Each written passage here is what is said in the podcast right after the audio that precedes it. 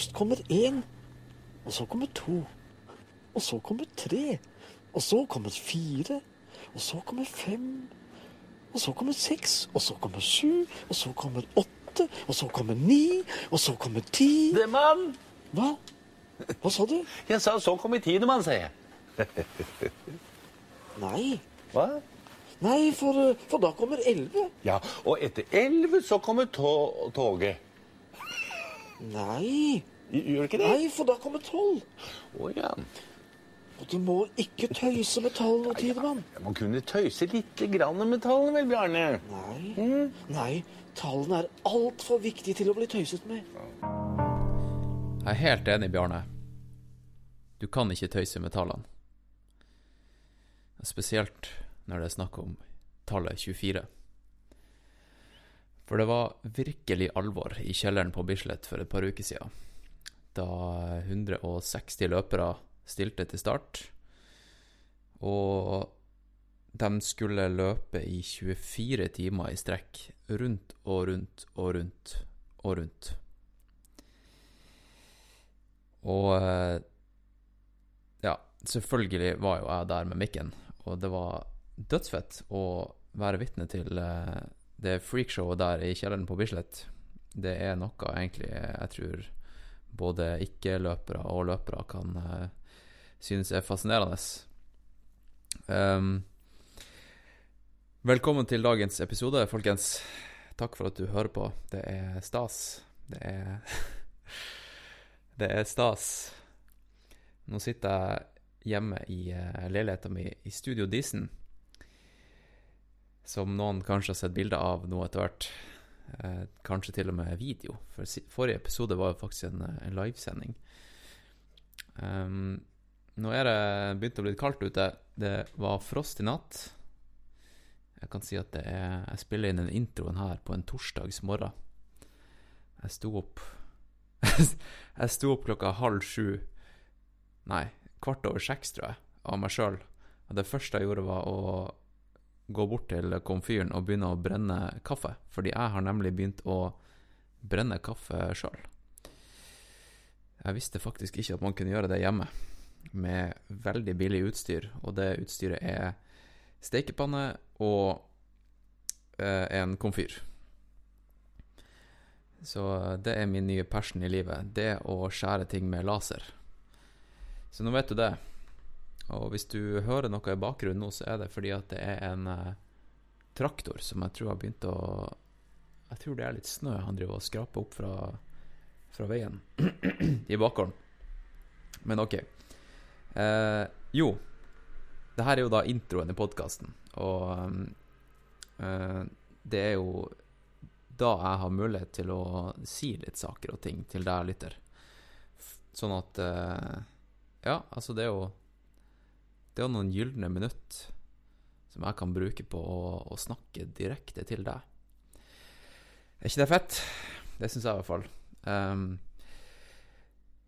skal vi se her uh, Jo. Jo. Det var det jeg skulle si. Jeg har en idé, skjønner du. Jeg har en idé. Uh, fordi, som du kanskje vet, uh, som fast lytter av den podkasten her du er, du er jo selvfølgelig du er en av de lytterne som har hørt alle episodene. Alle 38 episodene. Ikke sant? Uh, så skjønner jo du at den podkasten her, den er jo støtta av, av deg av deg, og uh, Altså, den, det er sånn den blir finansiert av lytterne. Det er sånn den podkasten her går rundt. Uh, og da begynner det faktisk å gå rundt, og det er dødsfett. Og det var det som var en del av, uh, planen min fra starten av for nesten et år siden, da jeg begynte med, med denne podkasten her. Uh, det var jo det at jeg kunne gå ned i stilling på jobb, og så kunne jeg begynne å podkaste, noe som gjør at jeg får litt mer frihet i livet. som igjen da gjør at jeg kan trene masse mer enn jeg ville gjort ellers. Trene masse og hvilt masse. Og det er det som skal til for å bli best. Ikke sant? Ikke sant? Eh, jo, så, så, jeg har en plan, da. Fordi at eh, det som er greia, er at eh, du, som, du, som, støtter, velger å støtte podkasten, du støtter jo ikke podkasten. Du støtter jo meg, ikke sant? Og det eh, Igjen, tusen takk for det. Eh, jeg setter utrolig, utrolig stor pris på det. Eh, og de pengene her, de går øremerka til podkasten, og så går de til å støtte eh, eh, F.eks. utgifter i forbindelse med race og sånt. Eh, flyreiser og påmeldingsavgift og opphold når jeg er ute og, og springer i fjellene. Og jeg har faktisk eh, nå satt sammen en eh, slagplan for 2019. Og hvis Skal vi se her, da. Eh, jeg tenker kanskje det kan være interessant for, eh, for lyttere å høre det her, fordi at eh, eh, det er ganske aktuelt. Fordi jeg har nevnt på podkasten tidligere at jeg skulle satse på, på skyløping neste år, altså, altså skyrunning. Og jeg vil Jeg har et mål om å bli topp ti i verden sammenlagt i, i skyrunning-serien. Noe som jeg tror er veldig oppnåelig. Og en av de måter man kan eh, sørge for å eh, få mest poeng da, totalt, det er å løpe de her racene som er super sky race, for de har ekstra mye poeng. Så da, for å være litt sånn strategisk, um, så er det rett og slett bare å løpe dem, og ett til, tenker jeg da. Så har man litt slingring, fordi man vet aldri, det kan jo være at man er skada på ett race, og så kan det være greit da å ha på en måte ett ekstra oppi, oppi ermet. Og nå er det Nå har kalenderen kommet, og alle Super Sky-racene er blitt annonsert, og jeg har um, meldt meg på et par av dem allerede, dem som har åpna for påmelding. Og det er Skal vi se her Jeg har meldt meg på Eller mentalt meldt meg på. Det her er uh, Skyraces som går i Japan, og det er et helt nytt Sky Race. Det heter Mount Awa Skyrace i Sanjo i Japan. Det er 21. april. Eh, og så er det Transvulkania, som er på La Palma i, eh, på Gran Canaria, 11. mai. Og så er det Livigno Sky Marathon. Det, det er Super Sky. Eh, det, er, det er da i Italia, og det er 15. juni. Og så er det Buff Epic Trail i Baruera i Spania. Eh, 14. Juli. Og så er det neste, da. Matterhorn Ultrax Extreme. Extreme. Eh, det er også Super Sky Race, og det er 23. i 8. august, altså. Ehm, så det er de Sky Racene jeg skal løpe. Jeg har litt andre planer også. Det, det kan du finne Jeg har en agendatabell på nettsida mi, hanskristiansmedsrod.no, hvis du er spesielt interessert. Eh, men da, da er det i hvert fall eh, annonsert hva som er Super Sky Race, og jeg skal springe alle, hvis alt går etter planen. Og det bringer meg over på neste tema, for jeg har pønska litt på, på det her. For det, det koster jo litt spenn å, å løpe de her. Og jeg er jo um, Jeg blir sponsa med utstyr foreløpig, og det er dødskult, men ikke med, eh, med utgifter og sånt til, til race. Og eh, måten jeg tenkte jeg kunne, kunne finansiere alle de reisene her, da, det er det er jo da selvfølgelig Patrion. Og, og det er Nå skal ikke jeg be om noen ekstra Patrions, men det jeg tenkte å gjøre, var å takke alle de Patrionene jeg allerede har, fordi at, eh, fordi at eh, de eh, det kommer, det kommer sykt godt med for å finansiere de turene her. Så måten jeg skal gjøre det på, da, det er at jeg skal lage T-skjorte for hvert race. Der jeg skal printe opp em, på, på T-skjorta, navnene til alle som støtter meg, og podkasten. Så jeg skal lage en Noe det alvor-T-skjorte med navn på Patrions. Eh, med navnene til alle, alle som er Patrions. Eh, det og eh, eventuelt kommersielle sponsorer. Men hovedsakelig mine Patrions, for det er dem som som inspirerer meg også, for det er jo ofte løpere. Jeg møtte masse Patrions på Bislett forrige, forrige helg også, som kom bort og, og prata med meg, og det, det er dødsfett. Det er dødsfett. Så eh, selv om du eh, kanskje du er Patron fordi du liker podkasten, eh, så eh, er du med å sponse meg som idrettsutøver.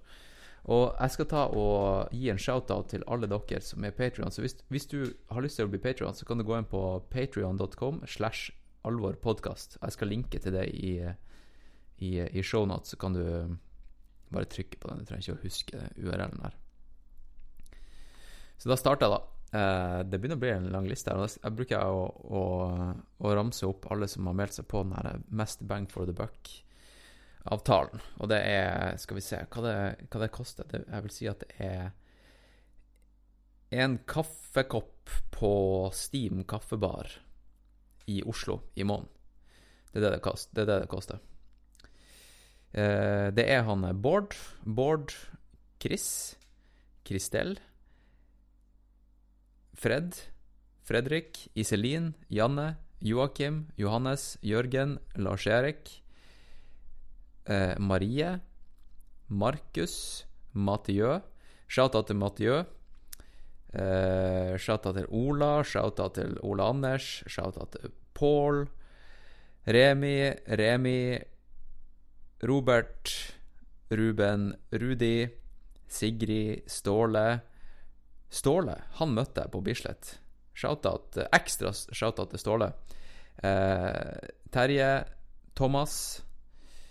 Han møtte også på Bislett. Shoutout Thomas. Torbjørn, Tyler og Vegard. Tusen hjertelig takk, folkens. Og da Ja, jeg kan jo si det at eh, den T-skjorta her Jeg driver og lager et uh, design på den. Og uh, altså, det, det, kule jeg ser for meg, da, er jo det at jeg kommer til å løpe med denne T-skjorta. Det her blir en race-T-skjorte. Og eh, når jeg er på mitt laveste av mitt laveste mentalt i de her fjelløpene, så kan jeg se ned på T-skjorta og se på de navnene som står der, og tenke jeg skal faen ikke gi meg. Fordi han Fred sponser podkasten og meg. Det tror jeg blir fett, ass. Jeg gleder meg. Jeg gleder meg. Um, jeg skal legge ut design på, på T-skjorta på Instagrammen til Nå er det alvor. Så snart den er ferdig, da kan du gå til instagram.com slash eh, alvorpodkast, er det vel. Bare søk på Nå er det alvor i Instagram. Og så, folkens eh, den introen her, det, jeg skjønner det, at den, den, blir jo en av de her lange introene. Um, men det får du bare Du får bare holde ut. Du får bare holde ut. Uh, den podkasten er også i dag sponsa av, av uh, en kommersiell aktør. Og det er faktisk ingen ringere enn Moonlight. Moonlight Mountain Gear. Og det er mange som, uh, som spør meg om hvilken hodelykt jeg anbefaler når jeg er ute og springer på stien i mørket. Og da, helt, eh, helt objektivt sett, sånn helt seriøst, eh, så bruker jeg å eh, svare Moonlight. Fordi de har en hodelykt som er på 700 lumen, og det er, altså det er mer enn nok.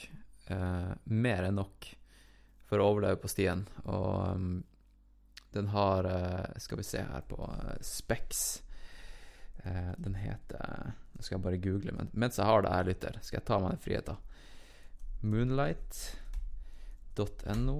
Så skal jeg gå inn her, og så skal jeg trykke på butikk og hodelykter. Og der har de fire hodelykter, og den sterkeste er 10 000 lumen. Men det er ikke den jeg skal klikke meg inn på nå. Det er Bright as Day 700, for du trenger ikke mer enn det for å løpe på stien. Og den ligger på 999 kroner.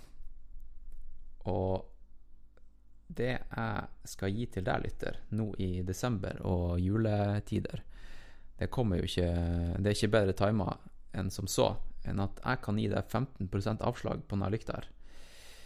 Hvis du bruker kodeord HK15 HK15, altså Hans Christian 15, så får du 15% avslag. Er ikke det rått? Og da er det faktisk en ufattelig bra deal på en ufattelig, ufattelig bra lykt. Og det, det, bra, det, som er bra med den, er at uh, du, den mountes på en GoPro-mount, så du kan uh, um, ta en hvilken som helst GoPro-mount, f.eks. på sykkelen din eller på hjelmen, på skihjelmen eller eh, whatever, og ta den av den her hodestroppen som den følger med, eh, og sette den på hva som helst. Og skal vi se her Den eh, har en På full blast så har den 1 12 time 1 12 time eh, batterikapasitet, og på 50% blast så har den 3 timer. Og på 25% blast 6 timer, og 20 timer på 5 OK. Eh, dagens episode skal vi bare starte, eller? Jeg tror egentlig vi bare kan starte. Og jeg kan jo advare deg litt. Den er ikke som eh, noen av de andre episodene jeg har her, som har vært liksom i studio og disen med, med bra mikrofoner og, og kontrollerte omgivelser. Bislett, kjelleren på Bislett, den er jo brutal. Det er jo en, eh, en speaker og DJ som roper og gauler i ett sett og spiller drittmusikk. Og det er ganske så vanskelig å lage en bra podkast der. Så um, jeg vet ikke, altså. Kanskje Du kan jo prøve hvis du tenker at du skal løpe langtur med den her på, på øret, eller eh, rett og slett bare ha den på øret. Og ikke på en høyttaler Sånn som jeg bruker å gjøre, f.eks. når jeg um, gjør eh, tar oppvask hjemme eller baker boller eller noe sånt, der, så bruker jeg å legge, legge iPhone på benken og høre på høyttaleren. Og det, det er kanskje det jeg ville anbefalt deg å gjøre nå. Men eh, du kan jo prøve å ha den på øret, for det, grunnen til at jeg advarer deg nå, er jo fordi at det er mye drittmusikk i bakgrunnen, og kanskje ikke så så fett å høre på det det er i et sett. Eh, eller kanskje det, kanskje det er artig. Jeg vet ikke. Ta nå, ta nå bare og prøv det ut, og så kanskje du kan gi meg litt tilbakemelding på hvordan det var å høre en podkast fra ute i felten på, i den sjangeren. Jeg vil gjerne høre fra deg. Det hadde vært fett. Um, jo, jeg skal, ta, jeg skal ta Når episoden er ferdig, skal jeg ta og trykke på record igjen, så skal jeg Så får du høre Du hører meg fra meg etterpå, når jeg er ferdig. Denne podkasten er jo faktisk i det i det korteste laget. Den er jo på ca. en time. Det er jo veldig Veldig sjelden at de podkastene her er på under en time. Men eh, da er det bare å ønske deg god lyttings, eh, lytter. Og så igjen, takk for at du hører på. Ta og um, rate, rate podkasten i iTunes. Da kommer den opp på listen, noe som gjør at andre skjønner at den eksisterer. For det er ikke så enkelt for, for løpere å skjønne at den podkasten er løperrelevant, fordi logoen har ikke en løper i seg. Og, og navnet på podkasten er ikke Ultrapodden eller Løpepodden eller noe sånt der. Og det er rett og slett fordi at uh, jeg vil at Jeg vil ikke låse meg til et tema. Jeg vil at den podkasten her skal kunne handle om hva som helst, men uh, tilfeldigvis så er det det løping det handler mest om, da. Men uh, fett at du hører på. god, god lyttings, og så snakkes vi når podkasten er ferdig. Ha det bra. Hello, this is another one. Another one, baby. Welcome to Now Is It Alvor uh, with Hans Christian and friends. We're going to be the best podcast that you ever did hear, and we're going to thrill you, we're going to teach you, we're going to entertain you. Like Britney Spears once said, there are those of us who observe and those of us who are here to entertain. And we're here to entertain you, bitch.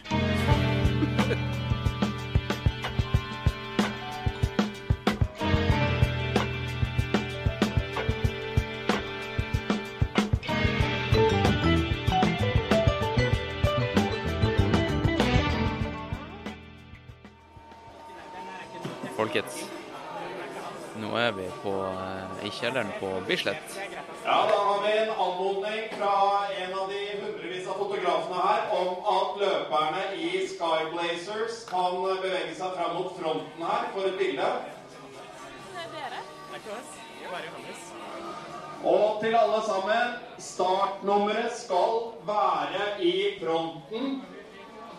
Det skal ikke sitte på siden. Det skal ikke sitte på siden. Startnummeret skal være i front. Please make yourself ready. Hug the person beside you Får lyst til å være med, eller? and make Nei, yourself ready. Hardt, kanskje en gang, ja. Det er hardt. Ja, ja. Nine, eight, seven, six, five, four, three, two, one. Good luck! right. Vi er Det i går bra. gang Det går bra. med kanskje de aller sterkeste løperne verden noensinne har sett, som beveger seg utover. Det er enorm styrke i dette startfeltet. Good luck to everybody. Vi har 24 timer på oss. And remember that you only have 24 hours. Good luck, good luck.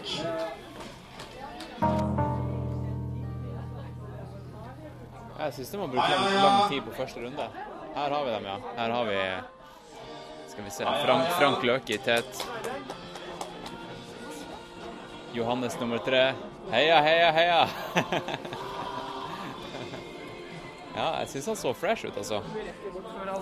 Han, han snakka litt om om han er i god form, eller om han Ja, nei, han After eh, lap, Petra Schön is number one, Frank Løke is number two, and Johannes Rummelhoff is number three. en som springer barbeint. Jeg får en kommentar, Johannes. Går bra? Ja, det går bra, altså. Da, da er vi begynt, Patrick. Da er vi på. Da er vi på. Fett. Og eh, da kan vi jo prøve å, som vi alltid gjør her i Nå er det alvor, er å sette litt kontekst. Ja. Og, Nå eh, vandrer vi utenfor Bislett. Klokken er 10.53 lørdag morgen. datoen er 24. november 2018. Ja. Det her blir Par minus. et par minusgrader. Eh, det er bare å snakke i vanlig eh, vanlig pitch. Ja. For den mikrofonen jeg plukker opp. Vi er jo her for å Ikke vi er ikke her for å løpe, da, men vi er her fordi Johannes skal løpe Bislett eh, 24 timer. Ja. For de som ikke kjenner konseptet, så løper man rundt på en bane som jeg tror er 546 meter. Ja. Litt lenger enn en vanlig friidrettsbane, for den går inne under stadion. Rundt og rundt og rundt. Rundt og rundt i 24 timer. Hver sjette time så skjer det noe helt fantastisk, og da skjer det også noen krasjer og litt skader som regel. Da snur de retning, og det er det mest interessante som kommer til å skje. Sjette time Sjette time. ja. så endrer de retningen for å ikke få sånn der eh, hoftesving på hofta. Jeg vet, Ja. Nei, jeg vet ikke hva det er, jeg. Men, uh, ja, men det er vel eh, for overbelastnings... overbelastning, ja. ja. Så det er det mest interessante som kommer til å skje for Johannes i løpet av disse 24 timene. Så får vi se. Det er en kamp mot hodet mer enn en kamp mot beina, tror jeg. Vet du hva verdensrekorden er? Vi sjekka nå. På, jeg vet, tror ikke det er inne, men jeg tror på bane. Det kan godt hende noen må korrigere meg. Så tror jeg det er 303 km. Ja. Jeg husker ikke hvem som har den. Men uh, jeg tror det er 303 km.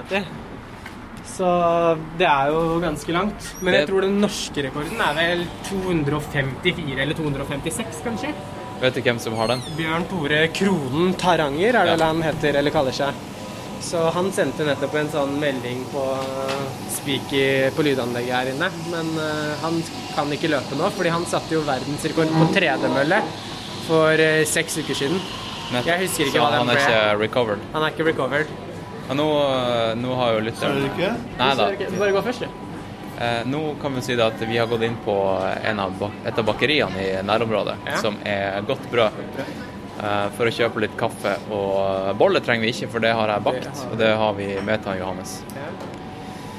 Eh, vi har fått en eh, lang liste på eh, Ting jeg skal kjøpe folk som skal ha kaffe, så kanskje vi bare skal ta og kjøpe den kaffen, så kommer vi tilbake Jeg etterpå. tror vi skal gjøre det. Ja. Alright, da har vi eh, kjøpt våre boller og vår, eh, vår kaffe. Og eh, vi, eh, vi kan si det at vi, eh, vi filmer litt også nå. Vi filmer til Skal jeg eh, bære noe mer imens, eller jeg bærer jo ganske mye allerede? har jo ikke hengt. Kameramannen har hendene fulle. Noen, noen husker kanskje at eh, jeg har nevnt at vi har drevet og laga en dokumentarfilm om den her eh, Jotunheimstien. da han eh, Johannes sprang fra operataket til eh, Galdhøpiggen. Og eh, vi tenker å bake inn litt footage fra Bislett 24 inn i den dokumentaren her. Og det du hører nå, det blir mest sannsynligvis en del av lydsporet til dokumentaren. Så vi kombinerer podkasting og den det bra mikrofonrecordinga her med, til å bli lydsporet til dokumentarfilmen Med kaffeslurping. med kaffeslurping. Og akkurat nå så, så kan du se for deg at han Patrick, jeg og han Patrick vi går Vi gjør en walk and talk utenfor Bislett. Det er ca. minus fem eh, grader ute. Det er ingen snø. Patrick går med et eh, brett med kaffe, og det en sånn fra kaffen. amerikaner som har vært på Starbucks og kjøpt Ja, ja. kaffe til alle kollegene sine. Ja, Det er veldig sånn amerikansk. Sånn eh, eh, som poli, sånn purk politimann som har kjøpt donuts til alle kollegene sine. Men eh, skal vi prate litt om Bislett 24, da? Ja. Eh, Johannes, hva du tenker at han kan eh, oppnå her? Nå har han sprunget i ca. en time og et kvarter. Ja, jeg, jeg mener allerede Kan hende godt hende jeg må svelge mine ord, men de løper for fort.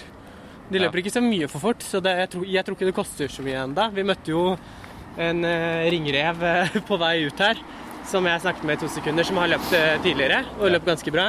Han mente at de løper for fort, men jeg mener og tror at Johannes kan løpe 230 km, eller over 230. Ja. Jeg tenker liksom det er litt sånn derre vet ikke, sånn her mål eller grensa for hva som liksom er en eh, sykt bra prestasjon. da. Ja, for han har ikke sagt noe til oss om hva han planlegger. Jeg, jeg, Jeg har ikke altså- tort å spørre han heller, for da Nei. setter man press. Nei, jeg har prøvd å bare hinte og lede bort mens jeg samtidig har spurt. Og jeg tror nok at uh, han hadde jo lyst, gjerne lyst til å komme på pallen, da. Det sa han jo på en måte. Det har han lyst til. Og hvis han skal på pallen, i hvert fall sånn i forhold til resultatene tidligere, så må han nok rundt 230, da. Det er jo vanskelig å si på forhånd, men kanskje rundt det. Ja. Jeg tror det er fullt mulig. Jeg tenker at hvis med mindre han blir skada eller får noen skikkelige problemer, så er han over 200 i hvert fall. Ja. Og så får vi se hva som skjer etter det. Ja. Jeg, som sagt, jeg har ikke tort å spørre han, for jeg vet ikke helt om han liksom vet hva han kan klare. Man kan jo for Han klarte jo, Hvis vi sammenligner med Jotunheimstien, da Ja, han løper 20 timer der, her og der. Jeg tenker sånn, Tiden er ikke noe problem her, da. Det er beina.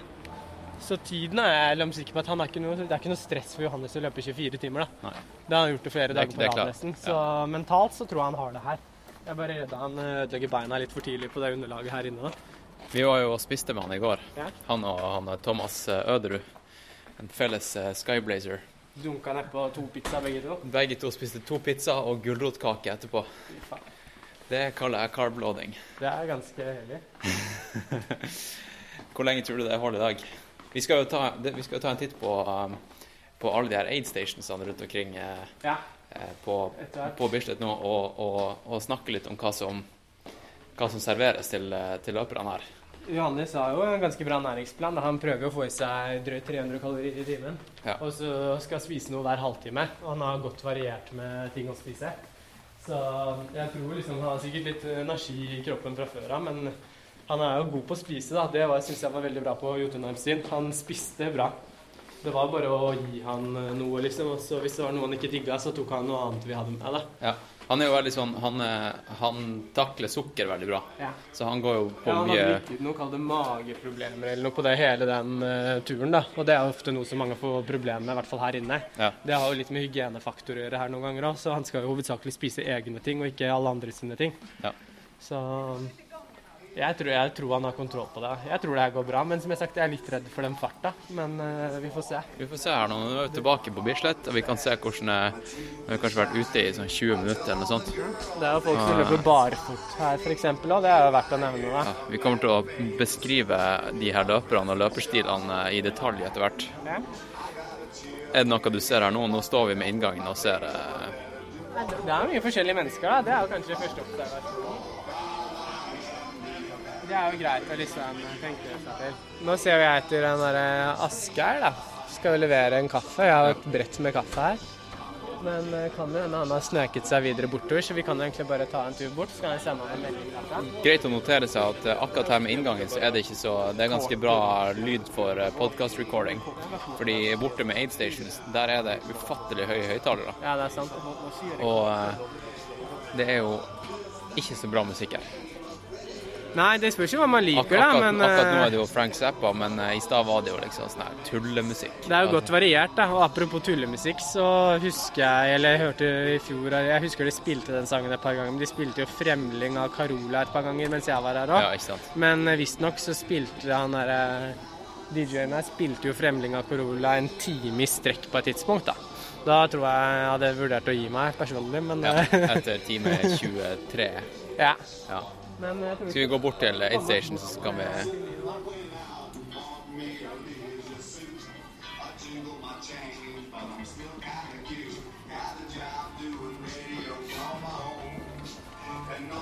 Vi kan jo, eh, Patrick, vi kan diskutere litt sånn skovalg her, da. Prøve. Hjem fælt. Johannes har høye knær. Høye knær. Eh, skal vi snakke litt om utstyr her? Jeg ser Vi kan bare si hva vi ser. Jeg tror generelt så er det ganske mye demping på folk her, da. Det er jo snittet, tenker jeg. Og så er det noen sånne eh, maraton eh, racing flats og litt sånne fartsfolk med kort shorts. Her har vi en som har sånne banesko fra Ja. New Balance. Skikkelig banesko. Og så har vi jo sett både barfot og five fingers. Så det vet jeg ikke hvor smart jeg tenker det er, men det er ikke jeg som bestemmer hva de skal løpe med, da. Det det. Vi deg. Krysse. Men det er jo mye forskjellig utstyr i forhold til Der har vi Thomas igjen. Går det bra, Thomas? Ja, Det er bra. Ja, fikk vi der. Ja. Tessa, Hanna og Han eh, Han så fokusert ut. Thomas er fokusert. Han er jo han har slengt fra seg klokka allerede. Det tenker jeg er like greit. Da. Det er her inne trenger du liksom ikke å vite splittidene dine nødvendigvis. og sånn. Folk springer litt sånn i klynge. Ja, men jeg tror det er greit for folk å gå inn her nå. Jeg tror det er greit for folk å liksom løpe med noen, da. Jeg ser jo Johannes løper jo også med en han litt sånn halvveis gjennom nå allerede. Ja. Så jeg tror det er motiverende. Jeg har jo bare løpt eh, maraton her inne, og da prøvde jo jeg å henge på meg noen folk fordi jeg følte det var motiverende. da. Det gikk jo jævlig fort i starten, og så var det jo litt dumt. Så man må jo finne noen man kan løpe med eventuelt, da, som er riktig fart. Så det er jo også litt sånn alltid skummelt i løp, da, å bare prøve å løpe billig og så henge seg på noen, og så ender det opp med å koste deg jævlig mye fordi du ikke løper ditt løp, du løper noen andre sitt løp. Men eh, det er jo 170 stykker her, er det ikke det? Så det er jo fort gjort å finne noen som kanskje skal ha samme farta. ja. Nå skal vi se. Det kan være at jeg faktisk må droppe å ha recording i det her området, for det er såpass mode.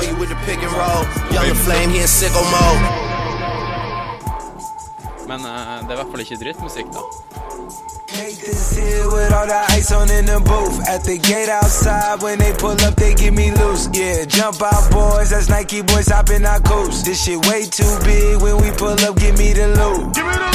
Was off the Remy, had up at post.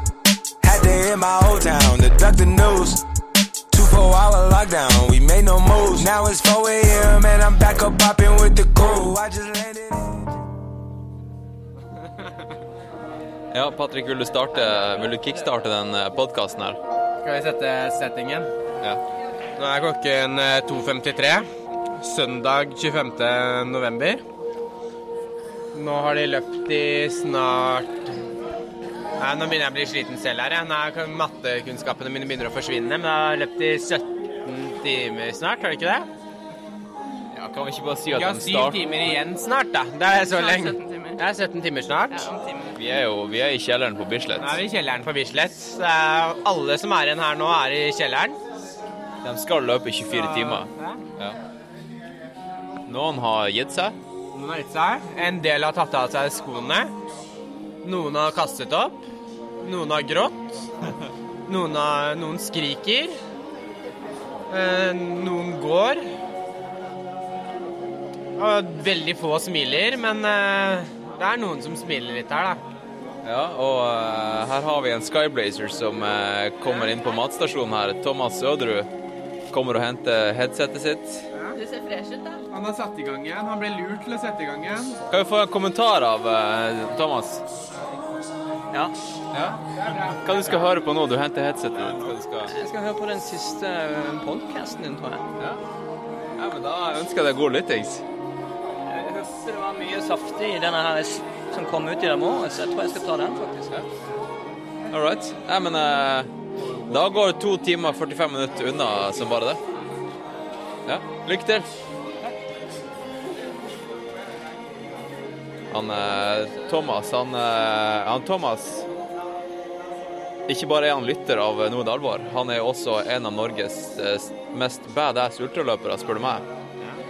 Han har, han, han, har, han har jo Ja, han er jo race director, men han har jo en såpass eh, sjuk eh, merittliste og race som han har gjennomført, at jeg blir svett med tanke på det.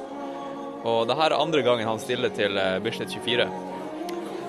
Og jeg leste et innlegg på Facebook der han sa at han eh, sverga sist gang at han aldri kom til å gjøre det igjen. Men eh, nå er han tilbake, to år etterpå. Så det er sterkt. Nå vet jeg ikke om eh, Nå får jeg bare si til lytteren at jeg styrer ikke musikken i bakgrunnen. Jeg kan ikke gå god for eh, kvaliteten på denne podkasten her. Det her en, enten så blir det her en, eh, en Patreon exclusive, eller så releaser den på iTunes hvis det blir bra. Vi får se. Hva du tror du, Patrick? Nei, jeg har trua, jeg. Det går jo unna her nå, tenker jeg sånn eh, Nå ser man jo litt sånn der Den mørkeste tiden er litt forbi her, da. Nå er det syv timer igjen. Om én time så skal de jo faktisk gjøre noe, det mest interessante som har skjedd på en stund, og det er å snu for aller siste gang. Ja. Så jeg tror de som er igjen her nå, er ganske bestemt på å fullføre, da. Jeg tror de som har gitt seg, de har gitt seg allerede. Ja, den som er her nå, den kommer til å fullføre, Ja. tror du? Ja. Ja, det, det ser litt sånn ut, da. Ja. Det er jo en del som har gitt seg, tror jeg. Jeg vet ikke hvor mange som har gitt seg, men uh, det er jo ikke like fullt i Kall det løypa.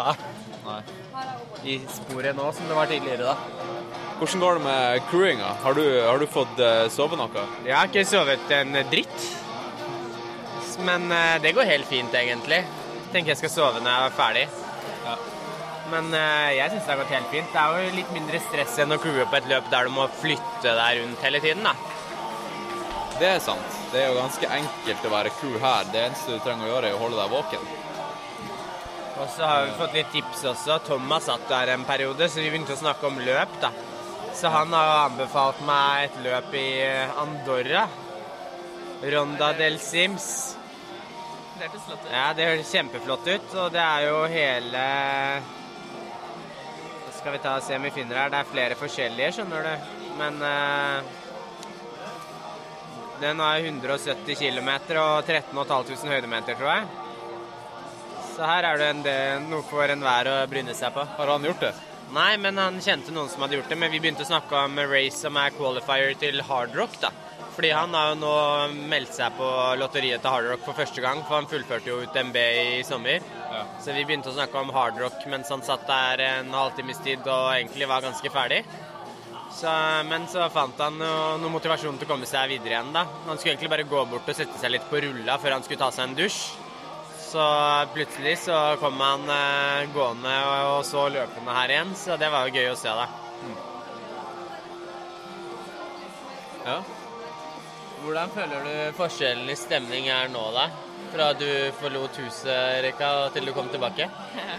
Nei, jeg har vært borte et par timer. Du har vært borte i kanskje fem-seks timer. Eh, Kanskje ja. mer? ja, om ikke litt mer, faktisk. Hvordan er forskjellen på folkene her i kjelleren nå? Det er litt sånn annerledes stemning. Eh, Det er flere Kanskje litt færre smil, litt flere som går. Ja. Litt, andre, litt annen type løpestil, kanskje. Nå sprang han Johannes forbi oss her nå uten å se på oss. Ja, han så uh, slang et lite øye bort hit. Ja. Jeg tror Han, han begynner eh, å bli litt sliten, han òg.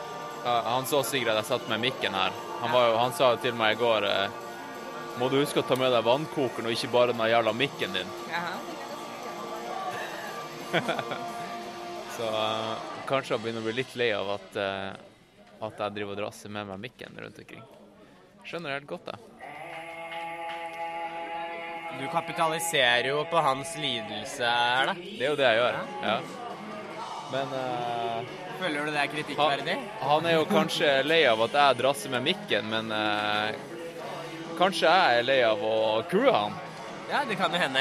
Ja. Så det er jo å gi og ta her, da. Ja, gi og ta. Ja, Skal det, han ha noe hel igjen, eller er det Han, har spi han skal ta en gel, men han spiste ganske greit sist. Han spiste spiste 360 kalorier her, da. i ett jafs. Så han får litt sånn slingringsmonn nå, men han kan få en gel eller noe nå, tenker jeg. Kan du gi meg det arket der, eh, den eh, ernæringsplanen? For tror du det er mange her i, eh, i bygget som har en like nazi næring, ernæringsplan som han Johannes? Nei, det tror jeg ikke. Men uh, han har spist bra, og han har jo bra energi. Og selv om beina hans er ganske ferdige, da, så har han jo bra energi de gangene han har vært inne her. Han har jo ikke sånn Vi har snakket litt om det er sånn der flere ganger bonking, da. Og det Bonking er vel sånn egentlig Det finnes vel tre typer bonking, men uh, når folk snakker om bonking, så snakker de ofte om eh, det å gå næringstom, da. Og han har jo ikke bonka på den måten. Han har jo problemer med muskulaturen i beina pga. underlaget. Men han har jo på en måte hatt eh, god energi hele tiden. da. Det er helt OK å snakke med han, f.eks. Ja. Han har vært oppegående, liksom. Ja. Det har jo mye med å gjøre at han har spist eh, riktig Ikke riktig, er vel kanskje ikke noe som er Han har spist nok, da. Her har vi jo eh, på forsida, da. Her er, det er et hefte med et dokument som han har skrevet og delt med alle i crewet her. Og da står det Bislett 24 Crew Blazers for Johannes Rummelhoff. Og det første er en liste over eh, alle i crewet og telefonnummer. Essensielt, rett og slett. Og så står det næringsplan. 350 kalorier i timen. Og så står det en liste med ting man må tenke på. Gjør du deg klar nå, Patrick? Ja, ja, han kommer nå snart, og nå skal han få noe eh, nytt her, da. Så kan du kanskje gjette hva det her er? Ja, det er Det er vel hans nye sponsor, det? Ja. Det er vel noe som egentlig er ment å gi deg vinger, da. Det er det de sier i hvert fall, men eh,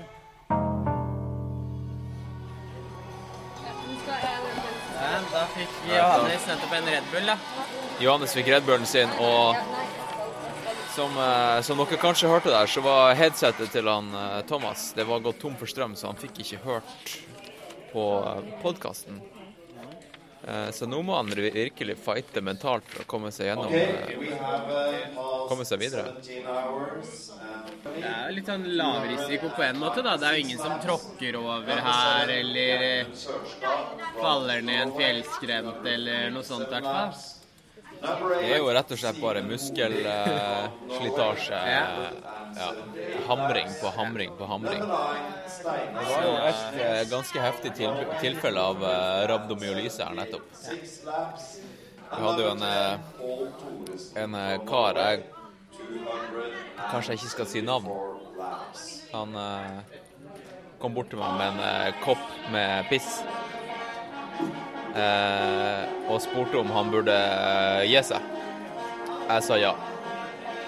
Det var kølsvart. Ja. Eh, kanskje vi skal ta og kommentere litt eh, på utstyr og sånt? Ja. Si hva folk driver og springer med? Hva er det vi har sett ute i løypa? Hva som er, hva som er gjenganger? Gjengangeren er sånn eh, Mange har veldig sånn belte de henger fast startnummeret på, da. Det har aldri jeg lagt med. Sånn triatlonbelte. Sånn triatlonbelte med startnummer. Det er kanskje fordi de skifter T-skjorte og sånn, tenker jeg. Eller eh, skifter overdeler og andre ting. Så det er mye lettere å bytte da.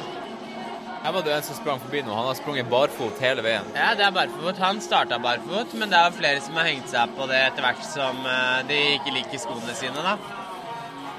Så kanskje det er det vi er lagd for å Sånn vi er lagd for å Ja, løpe? det kan godt hende vi er ment for å løpe barfot, men jeg tror ikke vi er ment for å løpe barfot i 24 timer inne på Bislett. men eh, ja, ellers så går det jo litt forskjellig her, da. Det er, men eh, det er mange nå ute på kvelden som har fått på seg både ytterjakker og dunjakker og andre ting en liten periode i hvert fall. For jeg tror folk begynner å bli litt så, både kalde, men også kanskje litt slitne, da, så klarer ikke å holde helt kroppstemperaturen sin lenger. Men det er samtidig folk som løper i både baris og singlet, så det er veldig variert. Ja. Folk begynner å springe litt mer med skuldrene og armene enn beina. Ja, og så her kommer det en så, ja, Noen folk som går ganske Går, går med armene. Ja, går med armene, ja. Vi har sett folk som har vært ganske så langt nede også, som har henta seg inn igjen og nå er tilbake og springer. Det er fascinerende å se, da. At hvis man bare fortsetter, så kanskje man eh, kommer litt opp igjen. Og hun ene som eh, er på det samme bordet her, eller løperen som bruker det samme bordet som vi sitter og crewer fra, hun har jo kastet opp opptil flere ganger, da. Og har slitt nå egentlig en to-tre timers tid, og nå er hun jo fullt tilbake, og hun løper jo kjempebra nå. Ja, Så det er jo bare å holde det gående, og så kommer det kanskje tilbake igjen, da. det er sant det. Er det han som leder som løper forbi her. Han har jo løpt kjempejevnt hele veien. Han ser ikke ut som det Han Jo. Jo, ja. Han ser Ja. ut som han har gjort det her hele livet. Og nå er han Johannes og Ja, han er- Thomas Ja, de kommer her, da. Sammen på vei inn til stasjonen. Erika går bort til Johannes. Prøve. Headsetet er på lading. Headsetet er på lading. Jeg tipper to runder til, så har du en halvtime. Jeg vet ikke, da, men det er litt som de sier sånn, det er klisjeen kanskje på sånne løp som det her, da. Men det er jo mange kvinner som løper sykt bra her, da. Sånn generelt så føler jeg at eh, de løper bedre enn en del av mennene, da. De løper jevnere. Og nå som det er syv timer igjen her, så syns jeg det ser ut som en del av de løper hardere, da. Ja. Og Liss Ja, hun Liss løper kjempa, så er det, er noen jeg ikke vet navnet på her også, som jeg føler løper bra. Sånn som hun som kommer her nå, Linda fra Sverige. Hun løper jo jevnt og fint. Hun løper jo eh, raskere enn eh, de fleste vi ser av menn her nå, da. Ja. Så, men jeg tror det er litt sånn de sier at eh, de som gir seg på 24 timer, da, det er menn under 50. Og begge de to vi er for å passe på her i dag, er jo menn under 50, da, så vi Ja. får se hvordan det går med de. De kommer seg videre her nå. Ja, han ser fresh ut. Fresh, ass! Hæ? Born to run. Nå sprang han eh, Fred eh, forbi. Han, eh, han har jeg jo nevnt litt på podkasten. Han vant jo denne, her, en av de konkurransene jeg har hatt med der han vant Flow Motion-capsen. Er det han som løper med solbriller nå? Ja. Han har eh, gjort det de siste to timene. Ja. Her har vi ei som uh, spiser noe interessant her. Hun tok uh, har delt et hardkokt egg i to, og så uh, skvisa hun litt eh, kaviar på egget. Og majones. Det er bra. da. Kaviar er jo salt. Det er sikkert digg å få i seg noe salt nå, så få i seg noe proteiner eller noe. Ja, litt ordentlig Det er jo mat. lett å bare svelge et egg, egentlig, og det er jo 100 har hun- kalorier eller noe, er det ikke det? Ja, og så tok hun en dæsj salt oppå egget. Ja, det er bra. Jeg hadde kjørt på med litt tabasco, jeg. Ja. Spisa det opp litt. Men det er jo hun, hun samme som eh, gikk fra å springe med supermaksimalistiske sko til nå å være barbeint. Ja. Lærer mye i løpet av 24 timer. Ja. Thomas har fått på seg buksa. Han springer hel bukse. Ja, men han løp i dunjakke her òg, vet du, så han har tatt av Han hadde jo egentlig gitt seg. Men nå har han fått opp farta igjen, da. Det er mye som kan skje. Sånn sett, så det sa han, han hadde jo lyst til å gi seg tidligere. Sånn sett er det jo greit at det sitter noen folk og kaller det passer på deg litt òg, da. Man skal jo ikke pushe folk uh, unødvendig, men uh, det er bare greit å ha noen å snakke med litt, da.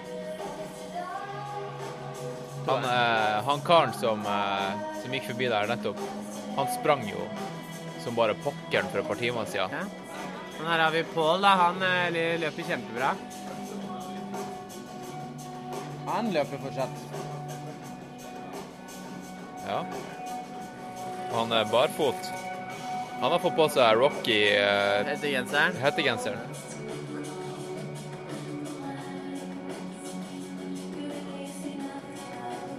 Ja, nei, det er, det er mange interessante stiler. Nå som det, nå som det har gått mot venstre i eh, snart seks timer, så Eller tolv timer totalt da, til venstre. Så er det, ser jeg en her som har blitt ganske skeiv i overkroppen. Som eh, Overkroppen liksom lener seg mot veggen. Da springer de mot klokka, ikke sant? Hva vil du si om sånn deltakerne, da? Er det en viss type mennesker som løper her? Eller er det variert? Det er veldig variert. si? Jeg ser en del tatoveringer. Ja? Eh, sånne der tatoveringer som eh, viser at folk har levd litt. Vært på sjøen? ikke bare estetiske eh, tatoveringer. Ayanapa, Ayanapa 1998? Ja. Ja. Det er jo mange typer type tatoveringer. Du har liksom Du vet de tatoveringene som MMA-fightere ofte har. Som er sånn her eh, Skrift på brystet og sånn? Ja, bare for å For å vise at dem De liker å ha det ondt. Sånne folk er her. Men de liker De her folkene liker å ha det ondt, men de liker ikke å påføre andre ondt. Nei. Og så har du eh, var egentlig det jeg hadde en samtale med en kar eh, i stad om eh, om de forskjellige typene her, da. Og grunnen til at folk faktisk springer det her løpet. Og jeg tror at Det en, er en, en vidunderlig nattetime, og vi Må høre hva han sier her. Det er eh, kebablukt i luften. Det er eh, lukten av utrolig god mat. Og det er hyggelig å se en løper som har slitt, har kommet seg opp igjen. Ja, men du hadde en diskusjon med Ja. han her borte, hva slags type mennesker det var som løp? Ja, og, og det jeg kom fram til, da, var at uh, enten så har man en, en Altså, man har jo en indre glød. Men det kan enten være et sort hull eller en positiv lada glød. Enten så prøver du på en måte å overdøve det her sorte hullet som eh, er et eller annet du har opplevd, sett eller vært igjennom. Du prøver å på en måte overdøve det med å ja, glemme det hele med å putte deg sjøl i forskjellige smertesituasjoner. Det, eller så er du rett og slett bare genuint gira på å løpe. Kommer Omblund Blund her da? Ja, nå er han Tyler tilbake.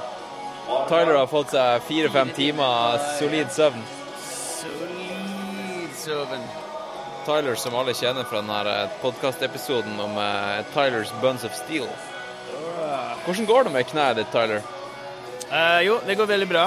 Uh, jeg har også begynt å gjøre en del styrketrening, så kan anbefales. Eh, ja, hvis du vil høre hvordan eh, styrkeøvelser Tyler gjør, så kan du jo bare gå tilbake og høre på den episoden. Ja. Har det vært kvalitetssøvn, eller har du hørt litt på musikk mens du har eh, Hva har det vært? REM? REM? D dypt, dypt rem. Eh, jeg tror egentlig det vil være å prøve å sove enn å bare være våken.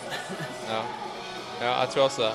Jeg prøvde å sove i stad, og så våkna jeg opp av eh, Eller jeg sov ikke, men jeg, jeg bestemte meg for å røyse meg opp da jeg hørte eh, NWA med eh, Straight, Straight Out of Compton, som min, minte meg om Jotunheimstien. Halla. Der er Martine tilbake også. Alle Hva var det, var det den sangen her som eh, fikk både deg og Tyler Det var én times eh, powernap, det. Ja, da har Spiker en melding til Isabel Årnes, og vi tar den i Der er han Thomas tilbake. Hvordan går det med, med leggen som du har fått teipa? Det har blitt bedre nå. Ja, da kommer en eh, hilsen fra min datter Hanna og hennes venninne Tror jeg at headsetet ditt er, er back in biz. Og vi sitter her på og spiser Hva du sier Ta det med neste runde. Ja? Ja? Det er sprøtt å se liksom, hvordan folk bare vekkes til live og plutselig ikke har noe energi, og det ser ut som at, ser ut som at de er på vei til å dø.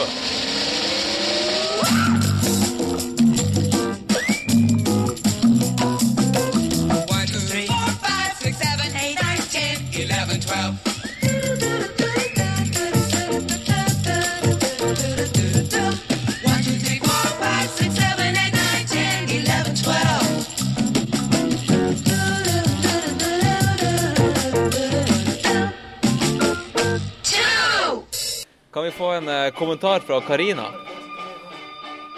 En, kom en hvilken som helst kommentar. Ja, altså du har jo nå løpt i snart eh, hvor lenge? 17,5 timer. Hvordan, eh, hvordan føles kroppen? Nei, eh, kroppen er OK. Jeg sliter litt med å holde maten nede i magen min, men bortsett fra det så er jeg fornøyd. Hvor du, hvor du gjør av? Ja. Det her er pod podkasten 'Nå er det alvor'. Ja. Har du hørt podkasten før? Nei, jeg har ikke det, ass. men jeg kan begynne å høre på. Absolutt. Nå er jo med, Nå er jeg med. Ja, kanskje. ja. Jeg kan, handler den om, hva handler den om? Det handler om løping. Ja, hva, hva sa den het, podkasten? Nå er det alvor. Nå er det alvor, ja. Ja. Ja, det, det, det kan jeg godt høre på. Jeg hører veldig mye på podkast. Gjør du det? Jeg gjør det. Det er flere her Radioresepsjon. Mest. Men jeg kan være med på Nå er det alvor. det er, det er flere her inne som har hørt på Nå er det alvor mens de har løpt Bislett 24. OK. Eh, Og forrige episode så var det paneldebatt med fem ultraløperkvinner som ble spilt inn hjemme hos meg på torsdag. Wow. Det er brennaktuelt. Er det sant? For eh, masse sånne brennhete Bislett 24-tips servert til deg av henne. Så hvis du, hvis du har podkast og headset med deg i dag, Ja. så kan du høre den episoden. Det kan jeg. Kanskje vi skal begynne med det nå. Skal jeg legge inn podkasten på telefonen din? Og der dro hun telefonen ut av BH-en sin. jo, jo. Ja. Podkaster. Ja. Nå er det alvor. ja. Der er den. Nå er det alvor. Hans Christian. Der er. Den der. Abonner. Se her, ja. Fy fader. Fem stykk badass ultraløpende kvinner i ett og samme rom, og så har ikke jeg hørt om den her. Nei, og så var ikke du der heller, for du er jo Nei, Jeg er ikke så badass, men jeg liker Sier hun som har sprunget 17 timer og kasta Jeg er veldig mye mer fan av fjell enn den driten her. Ja, det er også eh, fire av eh, de badass ultraløperkvinnene der. Så Ja. Det det er det som er, det er terreng som er greia. og Det er mye morsommere òg. Men samme det. Jeg skal ikke klage. Herregud. Men nå blir snart den oppoverbakken der borte til en nedoverbakke. Ja, det gjør det altså seriøst. Og det, det, som er, det blir jo litt høydemeter av det òg. hvor mange har du regna ut hvor mye det blir hvis du springer Hva er målet ditt i dag? Nei. Målet mitt, hva skal man si? Eh, Det blir jo, nå blir det sikkert sånn 14,5-15. Jeg tipper 15 mil. Jeg tror jeg skal klare å komme meg 15 mil. Okay, Hvor mange runder er det? Vet du det? Nei, 238 runder er jo 13 mil. Ja. Så Så- to mil mm, Hvor mange høydemeter tror du den lille kneika er der rundt svingen her? 70 centimeter. centimeter, Ja, tenker jeg. 70 centimeter. Så hvis vi hadde sagt én meter da, per runde, Vi kunne jo sagt det, bare for å gjøre så har du jo Grefsenkollen. Da har du gjort Grefsenkollen på 24 timer. Det høres, det høres jo fett ut, det. Det var utrolig imponerende. Ja, men uh, vent litt. Rann. Ja, men uh, nå, nå klarer jeg ikke Jeg får litt sånn surrete i huet nå. Hva blir det egentlig? Grefsenkollen. Ja, vi er høydemeter. 200, 250 meter. Hæ? 250 høydemeter. Å, herregud.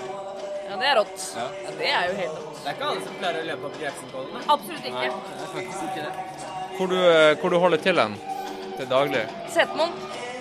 Setermoen. Altså i, i Nord-Norge? i Nord-Norge. Er du i Forsvaret? Hvilken stilling har du i Forsvaret? Nå er jeg Admoff. Mm. Hva, hva står det for? Ja, OK, ikke sant. Har du vært i førstegangstjenesten? Nei. Man er fra Nord-Norge, da. Ja, jeg hører jo det. Hvor er du, hvor er du fra? Tromsø. Det er fra Tromsø, ja. ok. Eh, ADMOF står for administrerende offiser. Det det handler om, er jo å være sånn logistikkperson da, Ja. når man skal ut på øvelser og sånn. Jeg jobber i en kompanistab da, som har tropper med vernepliktige soldater under seg. Ja. Så jeg har vært troppssjef de siste fire åra, og så nå er jeg administrerende offiser.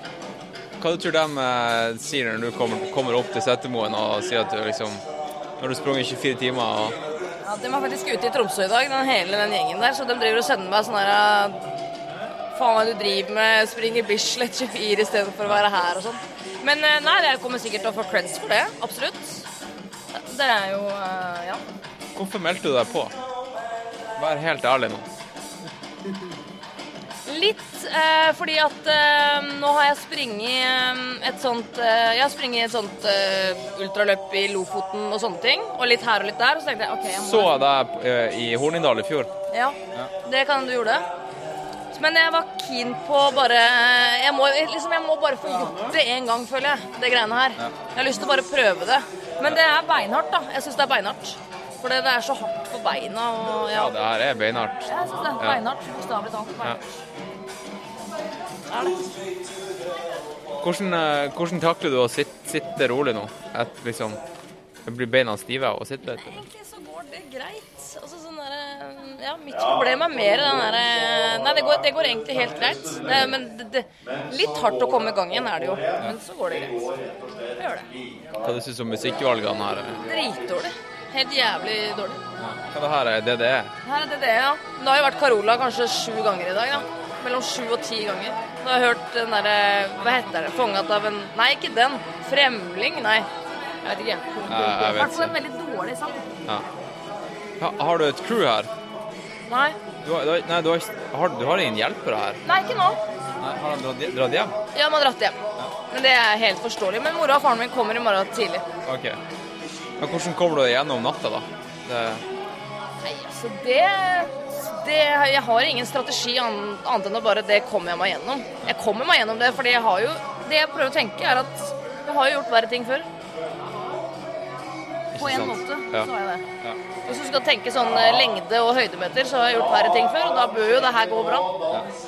det her er bare mentalt. Det er jo det.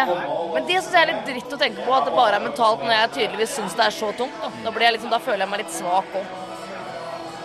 Men herregud. Det får jeg bare ta med meg videre. da. At det er ikke bare bare, det her. Ja, altså, et døgn går jo unna på sånn hvis man ikke tenker over det ellers. Egentlig ja. Det gjør jo det, mens her så bare hver time bare sånn sirup. Kanskje det får deg til å sette pris på hver time ellers. Eh, I morgen for eksempel, etter klokka ti, så kommer man til å sette pris på hver eneste time som går. Håper det går dritsakte. Så jeg kan hvile mest mulig. Skal du på jobb mandag? Ja, det skal jeg. Fy faen. Ja, det er noe dritt. Jeg, Jeg burde, jeg burde seriøst uh, tatt fri, men Skal, når skal du fly nordover? 13.40. Skal du fly til Tromsø? Nei, jeg bor i Oslo. Du bor i Oslo, ja. Ja. Smart. Ja. Jeg skal komme til Oslo etter hvert, det. Og jeg har vært seks år på setet min ennå. Jeg skal bare sykle opp til Disney, så jeg... Å, herregud. Så heldig du er. Hvordan går det med Johannes? Det går bra. Han spiser en banan og drikker litt vann. Så skal jeg prøve å finne ut hvor langt han har løpt, da. Ja. Han har sikkert løpt veldig langt. Ja, hva tenker du på rett i koppen? Skal laste den der podkasten, jeg. Ja, du trenger ikke laste ned før du begynner å spille av. Du bare trykker, det er bare trykker på play. Jeg har det. Ja. Tankenes kraft, ja. ja, det er litt mer spirituelt, eller sånn eh, hvordan du kan bruke hjernen mer eh, fornuftig. For eksempel Er det litt sånn, eh, sånn her type podkast? Nei, Det er litt sånn alternative mennesker? Nei, nei eh, noen episoder er det, men podkasten er ikke det. Men det er jo gøy, da. Det er det, Det er som er med sånne ultrafolk. Det er jo ofte litt alternative. Ja, jeg er ikke så veldig alternativ av meg. Nei, så altså, jeg føler meg veldig streiting, egentlig. Ja. Han har løpt 138 nå. Johannes har eh, ikke bare satt personlig rekord, men han har jo sprengt Skyblazers sine eh, grenser. Nå sa du hvor langt han har løpt? 138. 13,8. Og det går ikke nå. Vi må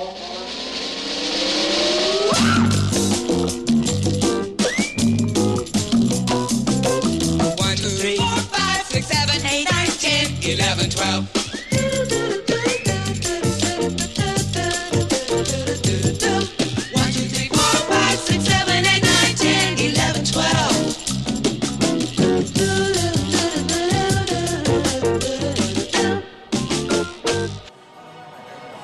Hvordan skal du komme deg hjem? Nei, kanskje bare Dra. Hæ? Jeg kanskje bare drar, jeg. Nei, men uh, hvordan skal du komme deg hjem? ja. ja. Nei, jeg vet ikke. Taxi? Taxi eller buss? Nei, kanskje blir taxi. Ja. Jeg tror det er det smarteste. Men skal du ta siste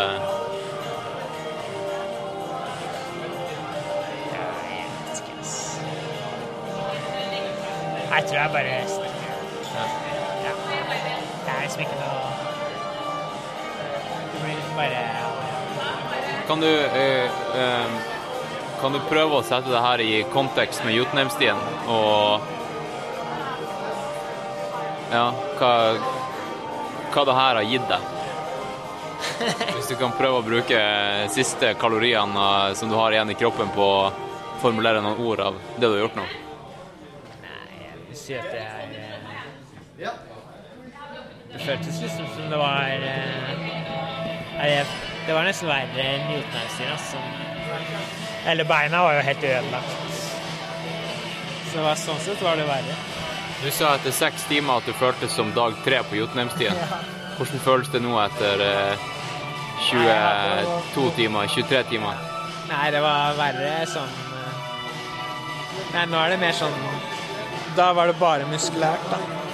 Uten Jotunheimstien. Det var liksom ikke noe som senere eller knær eller noe. Så det, ja, det er mer som pound da, nå. Du har bare blitt så banka, da. Hva med det psykiske aspektet? Hvor, eh, hvor sliten er du i hodet? Har det vært vanskelig? Nei, jeg føler ikke at jeg er så sliten i hodet, altså. Nei. Det var mer bare at jeg ikke jeg Hadde ikke bein Bein, da. Jeg har ikke trent beina for det her godt nok. Skal du melde, skal du melde deg på Skal du melde deg på neste år, eller er det der sånn her Ja, når jeg prøvde, aldri mer igjen? Nei, jeg, nei, det kommer jeg aldri til å gjøre. Altså, sier jeg nå i hvert fall. Nei, jeg tror ikke det. altså. Og det, det sier du ikke fordi det var så jævlig, det var bare fordi det var ikke ga deg noe særlig? Var, det var- føltes så pengeløst, egentlig. Jeg hadde ikke noe Fikk ikke den der listen heller. Men det var liksom jeg Hadde ikke bein til det til slutt. Man må trene for mye asfalt og sånne ting. Hvor mange, hvor mange kilometer ble det til slutt? 150 Det er, ja. Det er jo fortsatt jævla mye, da. Du ligger jo her liksom og, og snakker som om at det, det er så der, liksom. Men det er jo jævla bra. Det er jo 15 mil. Ja, ja, det er ikke Det er noen Det er litt det, altså. Det er det. Det er. Du skal jo være jævla fornøyd, da. Nei, det er greit. Altså, det, det er jo litt, jeg har aldri løpt så langt på en, i distanse, faktisk. Det er ikke Du føler ikke den distansen når du løper her inne. Du har liksom null forhold til det. Se bare på den skjermen hvor langt du har løpt. Det er sånn funky.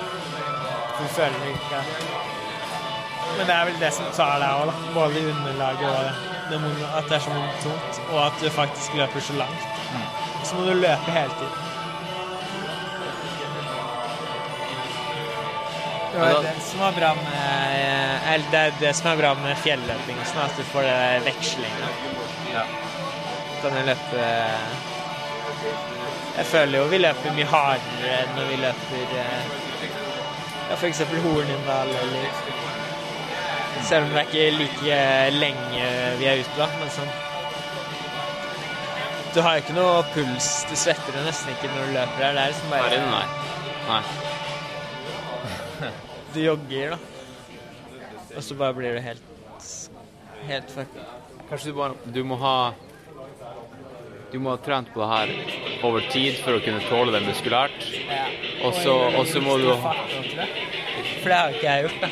Jeg har løpt fortere enn det jeg løper her inne. Eller har løpt nå. Så man burde sikkert bare trene på å løpe sakte, da. Eh, Jobb på mandag. Det er altså. Blir det, hvordan blir det i forhold til Jotunheimstien? Blir det like stor mindfuck å dra tilbake på jobb eh, nå, eller? Nei, jeg tror det Eller jeg veit ikke. Nei, det ble ikke det samme mindfucket. Da var det jo liksom Da hadde man vært ute i fem dager eh, Altså, vi hadde vært borte i fem dager, og Jeg s- kom hjem klokka tolv på natta. Ja, det er sant. Jeg hadde jo eh, ja, ekstrem søvnmangel. Eller underskudd på søvn. Og da var det jo på en måte også bare det at du har gjort noe som er så spesielt. Ja. nå blir det bare Hjem og legge seg og rutine. Litt støle bein. Det blir det. Det i dag. Nei, Skal vi rappe opp, eller? Ja. I partiet og Ja.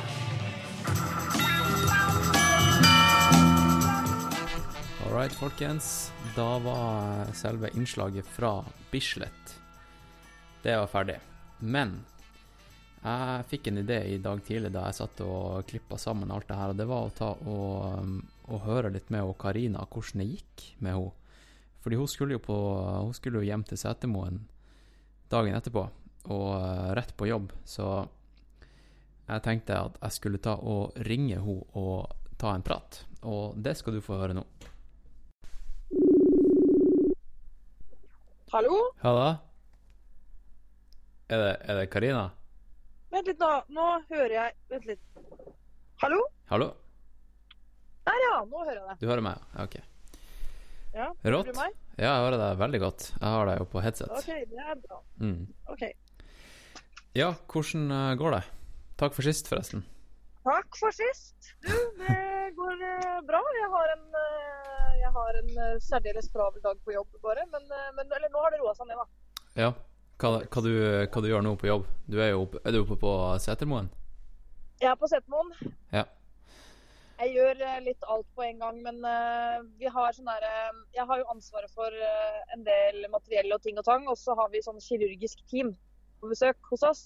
All right. Eh, for den, fordi at jeg har jo ansvaret for et sykehus, som er et militært sykehus som settes opp av telt. Og eh, vi har jo kirurger sant, som jobber i det sykehuset. Ja. Som til daglig jobber andre steder, og nå er de her oppe. Og de er jo sånn der, da trenger de hjelp til alt mulig rart. da. ja OK. Vet de, hva, vet de hva hobbyen din er?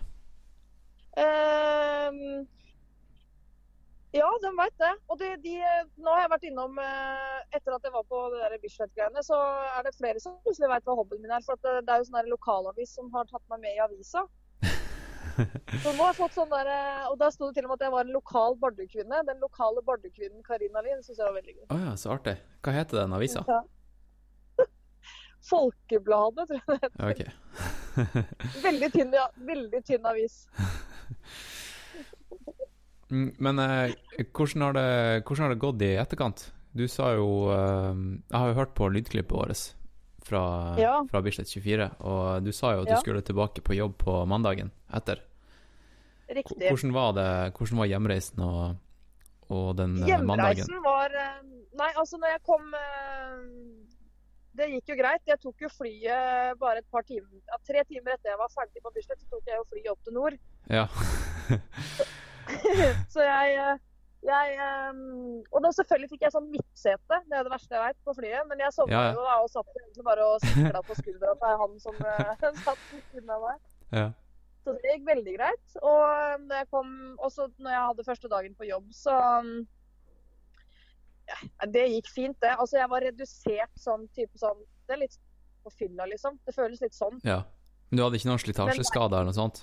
Det har gått fint? Nei, nei beina har gått uh, veldig bra med. Jeg har hatt litt vondt i uh, en sene oppå foten. En, Ok. en sene som virker, som virker til å ha vært litt irritert, men den, uh, det har gått over nå. OK. Mm. Ja, hva tenker du om prestasjonen din? Er du, er du fornøyd? Altså, vet du hva? Man skal være fornøyd. Altså, det, jeg må alltid si det til meg sjøl, at man skal være fornøyd. Fordi jeg, jeg syns jo det er litt kjipt ikke, at jeg ikke kom lenger. Det syns jeg. Ja. ja Men, du, du eh, løper jo 141 km og 806 meter. Ja, det var det jeg løp, ja. 8, ja 806, ja. OK. Jeg skulle gjerne Jeg skal innrømme det at jeg skulle gjerne springe opp mot 17. Ja. Det hadde 17 mil, ja. en, 17 mil, ja. 17 Ja. Mil, det hadde gjort meg enda mer glad. Men samtidig så tenker jeg kjære, vakre vene. Den løp 14 mil, skal jeg være fornøyd med det. Det syns jeg også, altså. Ja. Og så var jeg, og så var jeg ekstremt kvalm. Og det var takk og lov for at du ga meg den der reveljen eh, klokka fem eller eh, halv fem eller når det var. Jeg husker ikke. Ja, det var vel i fem- 54, ja. Ja. Fordi det som var at jeg måtte bare legge meg ned litt. Men jeg var ikke sånn at jeg klarte å, å, å sove i det hele tatt. For jeg kasta jo opp når jeg lå der òg. Ja, ja, du lå jo med den der spyposen din. Ja. Ja. ja. ja. Hvordan vil du sammenligne det racet der med andre, andre race du har gjort? Du, du, det er jo Nei, ikke ditt var... første ultraløp, men eh, Nei, du, er nei, er ikke, du er jo ikke kjemperutinert i det gamet her. Du, du har bare holdt, holdt på med ultra et par år, har du ikke det? Jo da, det er riktig det. Eh, Et par år har jeg vel holdt på med ultra. Så nei, hva skal jeg si om Bislett? Altså Det som jeg syns er litt artig med Bislett, er kanskje mest det der mentale aspektet. da. For det vil jo si at OK, nå løp jeg sånn 250 et eller annet runder. Og da sammenligner jo jeg det litt med at du har på en måte 250 sjanser til å gi deg, da. Ja, ikke sant? Det er ikke sånn at jeg vurderer å gi meg for hver runde, men det er jo mye enklere å gi seg på Bislett enn det er hvis du er med på et fjelløp i Lofoten eller eh, et annet sted. For da er det sånn OK, jeg kommer meg faktisk ikke ned fra det fjellet her på en liten stund, så jeg kan uansett fortsette. Mm. Mm. Mens på Bislett så kan du bare svippe innom garderoben, og så kan du si nei, fy søren, jeg gir meg, jeg nå. Ja, ja. Det var jo det, det, var det han Johannes gjorde. Han uh, satte seg på bussen hjem Ja, etter han 22. gjorde det? Ja. Ah, fankeren, han gjorde det, ja. Mm. Ja, og det som det, det kan du si at For å si det sånn, det var virkelig min intensjon også. Fordi jeg var sånn Jeg hadde kommet meg Jeg kara meg jo til litt over 13 mil. Og da tenkte jeg fy søren, nå, nå bare digger her gidder jeg ikke mer nå. Jeg gidder ikke fortsette. Og da ble jeg sånn, da begynte jeg å tenke på alle de tinga som handla om at å herregud, Karina, du skal fly om tre timer. Eh, det er ikke noe vits i å holde på 24 timer nå. Det, var, det tenkte jo jeg da. Men så var det jo faktisk den eh, Det var faktisk familien min da som Det virka som at familien min Fordi jeg ringte dem på morgenen klokka sånn seks eller noe. På morgenen da visste jeg at mamma var våken. Så sa jeg sånn Jeg kommer til å gi meg nå. Jeg kommer til å gi meg nå. ja, hva sa hun da, da? Nei, og da sa mamma sånn da var hun, For hun visste jo at jeg hadde kasta opp en god del, og sånn, så hun hadde egentlig ganske mye sympati. Og sånn Ja, men Karina, gi deg hvis du er fornøyd, og sånn. Men eh, så viste det seg at eh, det stemte jo ikke i det hele tatt. fordi de sa til meg de skulle komme klokka åtte. Da tenkte jeg klokka åtte, da gir jeg meg. Så jeg Mm. løp og gleda meg så til de skulle komme. Og så, kom, og så drøya de tida til kvart over ni. Da kom de. Det var kanskje bra, da? Ja, det var jo faktisk kjempetaktisk. Mm. Og så sier mamma sånn Du kan ikke gi deg nå, nå er det bare tre kvarter igjen. Ja, ikke sant? Jeg var jo ikke der siste timen. Jeg vet jo at det skjer jo noe Nei. magisk eh, siste timen. Vet du hva? Eh, skjedde det det skjedde noe noe magi- magisk. Ja. Det skjedde noe magisk. Det er da du skulle vært der. Er du klar over den siste, den siste halvannen timen? Da løp jeg ei mil til. Ikke sant?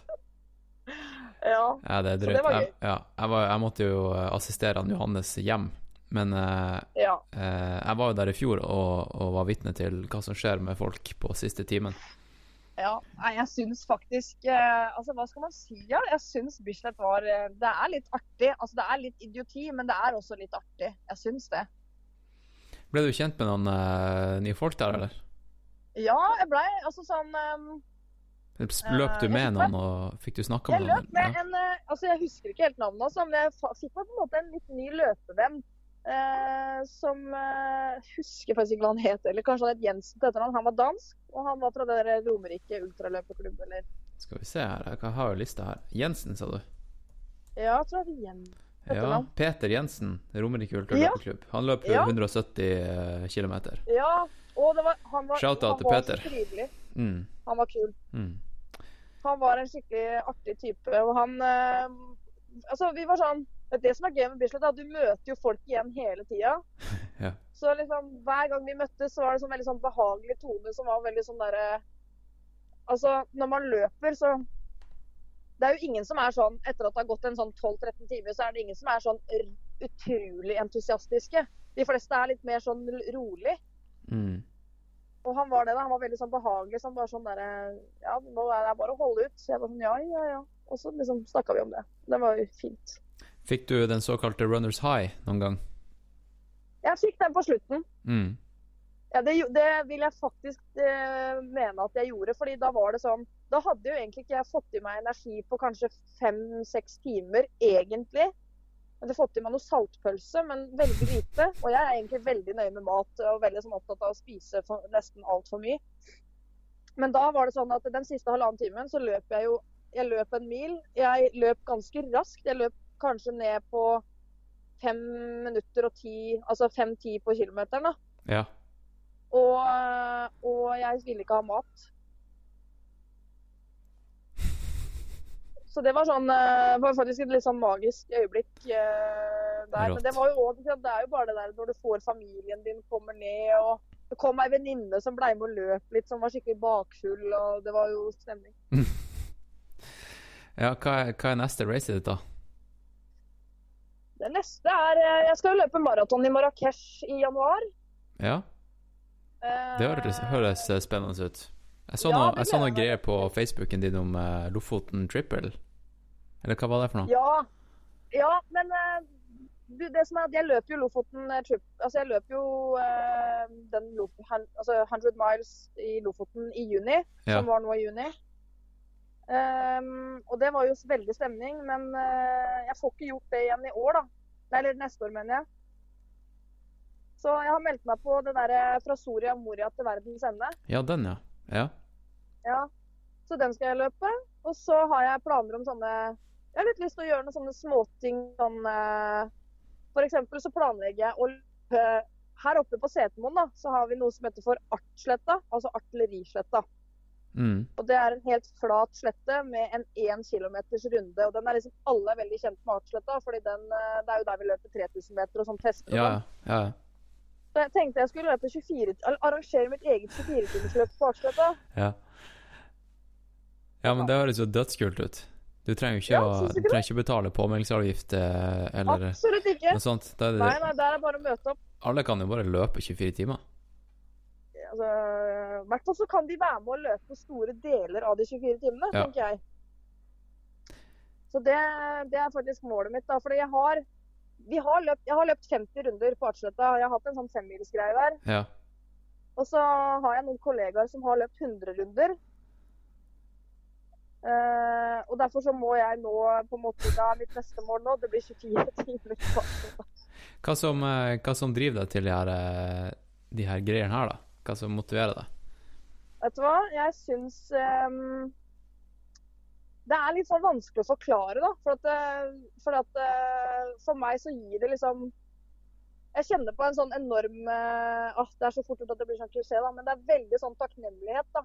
Det er sånn utrolig takknemlighet for å kunne bruke kroppen på den måten. Og Mm. det er liksom Det gir meg sånn Det som skjer, er at det, når jeg løper, så er det sånn Selvfølgelig så har jeg noen ganger et par tanker om at ja, det her skal jeg aldri gjøre igjen og sånn. Men som regel så er det sånn at altså jeg løp noen ganger under Bislett. Så snakka f.eks. på morgenen da, på søndag så snakka jeg med venninna mi på telefon klokka halv åtte på morgenen. Mm. Og da er det sånn Det jeg tenker på da, er eh, en utrolig kul treningsøkt som jeg har planlagt for meg og henne.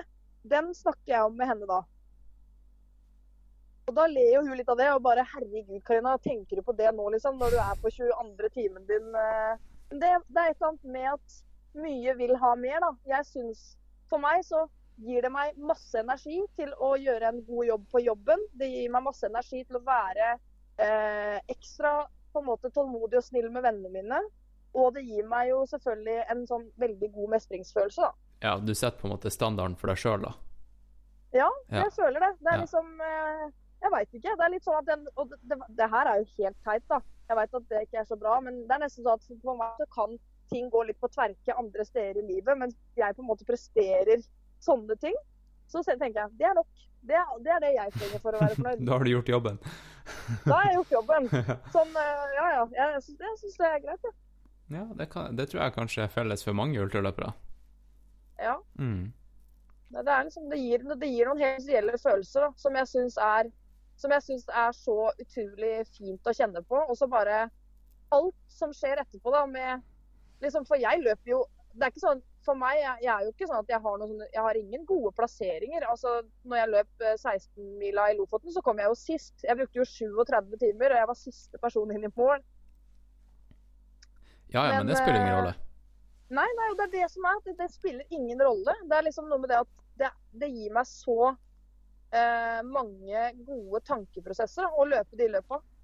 Og da, da er det verdt det, liksom. Mm. Du, vi kunne jo laga en hel, eh, en hel podkast om deg. Ja, jeg er jo en Jeg elsker å snakke om løping, da. Men da gjør vi det en gang. Jeg har, jeg har faktisk Ja, yes. Jeg har ikke tid akkurat nå. Jeg må rekke en T-bane om eh, ganske snart. For jeg skal faktisk ut i Nordmarka og, og løpe i snøen med en kompis. Å, fy søren. Det er Vet du hva? Jeg er misunnelig. Jeg er misunnelig. Ah, jeg gleder meg, ass. Ja. ja, så gøy, da. Ja. Ut i snøen. Har du, har du snø der oppe i nord, eller? Å, masse! Det har snødd eh, loads her nå siste døgnet. OK, nice. For jeg, jeg, skal, jeg skal nordover eh, neste helg, og da, da blir det der. eh, Ja, ja, ja. Da tror jeg du kan ta med deg randoski òg, hvis du Ja, det, har det. det har jeg, og det skal jeg ta med. Ja, det må du gjøre. Nei, men så kult, da. Det, det er bra. Jeg skal på julebord i helga, så jeg tror det blir eh, litt sånn eh, ja, Jeg skal se, jeg skal løpe meg en tur etterpå. En liten Du skal få lov å se ut i helga, du. Ja, Ja, Det takk har, for det. det har du fortjent. Um, Takk, du, takk, hvor, hvor er det folk kan eh, finne deg? På, på sosiale medier? Jeg vet jo det, men du må få lov til å si det. medier så På sosiale medier så kan du finne meg på, på Instagram på Makkerparet. Ja. Makkerparet er, Veldig underholdende. Hæ? Veldig underholdende Insta-konto. Ja, du syns det var Mm. eh, Altså, det, der koser vi oss. Meg og Helle, vi har det ekstra artig der. Ja, jeg skal, jeg skal linke til det i eh, shownotes. Så kan folk eh, trykke, trykke på linken. Ja, Makkerparet. Det er bra. Det er bra. Fett. Men da, takk for praten, da. Så Ja, bra, å høre at, du kom unna uten uh, tretthetsbrudd i hofta da, fra Bislett. Ja, du. Det er jeg glad for. Mm. Åssen gikk det med Johannes, egentlig? Gikk det bra? Han, eh, han løp eh, Han kan vel sjøl svare på om det gikk bra eller ikke. Skal vi se. Johannes, Ja. Han kom på Han løp 150 km. Ja, herregud. Um, jeg, tror, jeg tror han var fornøyd. Ja. Ja, altså, han satte jo ny Skyblazers-rekord, så det, Ja, det er det er rått. Det er fett. Ja, og Det det er jo jo det litt som- sånn derre Det er ikke Ja. Det, ja. Nei, jeg syns det er kjempebra. Ja. Men er- har han noe vondt noe plass etterpå? Veit du det, liksom? Eller Nei, men det var derfor han ga seg. Han, han kjente liksom antydning til uh, noe sånn her eh, en, en, Du vet sånn vondte som går over fra bare å være litt sånn irriterende til å kjenne, kjennes ut som en, at det nesten kan bli skade. Ja, Han ja, orka ikke å risikere det. Ja. Nei, det, det, er ikke vits. Ja. Det er ikke verdt er Han springer han springer bare på sti ellers, ikke sant? Så det er jo litt sånn eh, Ja. Litt hardt å bare gå Ja, det, er det, det underlaget der er jo Ja, nei, er helt enig. Nei, men det er bra. Ja. Nei, men eh, fint. det. Jeg synes det var det, Jeg har følt litt Jeg kikka litt på det han dreiv med, og det er kult. Det er gøy. Morsomt. Ja. Nei, eh, det, du tenker på den eh, Jotunheim-stien? Ja, ja. Ja. Så morsomt. da. Dere er jo Altså, at ikke jeg har klart å spore opp dere før. Dere er jo skikkelig artige folk. Vi er artige folk, ja. Ja, det må jeg si. Vi, er vi gjør vårt eh, beste. Ja, det, ja, det er bra. Ja. Men du, du får ha en fin dag, da, Karina. Takk for det. Ja. Og samme tilbake. Vi snakkes. Vi snakkes. Ha det bra. OK. Hei. Ha det. Ha det.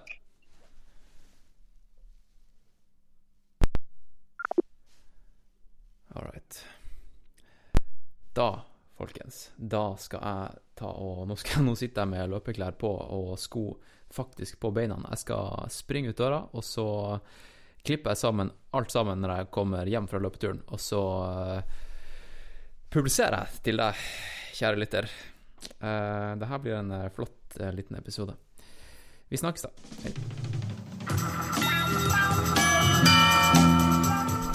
All right. Da er jeg tilbake fra, fra løpetur. Det var første ordentlige snøløpetur eh, i år. Det er jo um, Det er nice når det er snø ute, men uh, jeg vet ikke hva du syns om snøløping, lytter. Jeg er ikke helt, eh, jeg er ikke helt solgt. Det er fett. Det, er, det var fett i dag, men jeg, jeg skjønner at Eller jeg ser at uh, det kan uh, Det kan bli lang vinter. Det kan bli lang vinter. Men det er også uh, det som er fett med å, med å ikke jobbe alle ukedager, er jo at man kan faktisk eh, komme seg ut og løpe på dagen når det er lyst. Og det er jo ekstra lyst nå som det er snø ute. Så det er jo dødsfett. Det er rett og slett dødsfett. Um, jo, jeg tenkte å eh, ta en liten oppsummering av Bislett 24.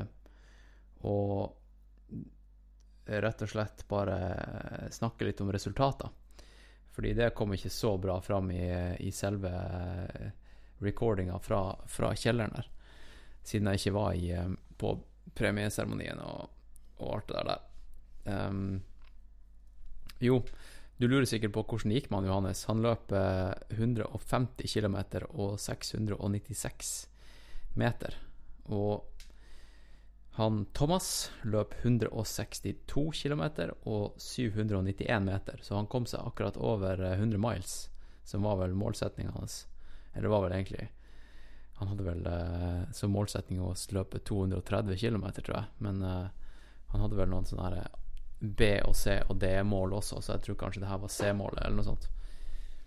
Um, ja, så var det Karina, da. 141 km. Det hørte du kanskje fra recordinga med henne, eller telefon, telefonsamtalen med henne. Og så um, eh, Skal vi se her Jo, han eh, Kristoffer Fjære Eftedal. Shout-out til han eh, Kristoffer. Han er jo Han er faktisk yngre enn jeg trodde. Jeg møtte han på KRS Ultra, et eh, 60 km eh, terrengløp i Kristiansand. Som var Det var vel i, eh, i slutten av april i år. Og vi sprang litt sammen der. Og han, eh, han satte nå en U23-rekord på på, eh, på 24-timeren. Eller på 12-timer, tror jeg det var. Fordi han brøyt etter 12 timer. Han sprang 116 km og 844 meter. Og han eh, brøyt rett og slett fordi at eh, han begynte å pisse eh, noe som eh, så ut som cola. Coca-Cola. Og det er ikke noe du skal spøke med. Og da kom han eh, bort til meg med en Han kom løpende bort til meg med koppen med piss, og så sa han Hans Christian, burde jeg fortsette å løpe? Fordi han visste at jeg hadde vært gjennom eh, en eh, lignende situasjon, tror jeg. Fordi jeg har faktisk opplevd å løpe på med det som kalles for rabdomyolyse. Og det er når musklene bryter seg såpass ned under et race, eller um, f.eks. en bilulykke, at uh, muskelen knuses. Eh, men det er rett og slett at, eh, at eh, spor av musklene kommer ut i blodomløpet, og det er veldig farlig for nyrene, rett og slett. Det er, det er toxic. Så det er ikke, det er ikke farlig i seg sjøl å få um, å bryte ned muskler, men det er hva, hva det gjør med nyrene dine, som er farlig. Så du burde ikke fortsette. Hvis du, hvis du pisser noe som ligner på cola, eh, så anbefaler jeg deg å stoppe med en gang. Eh, rett og slett. Og det, det gjorde han, eh, Kristoffer. Jeg tror eh, det er veldig enkelt å få rabdo, som det kalles, eh, hvis du ikke får i deg nok eh, drikke.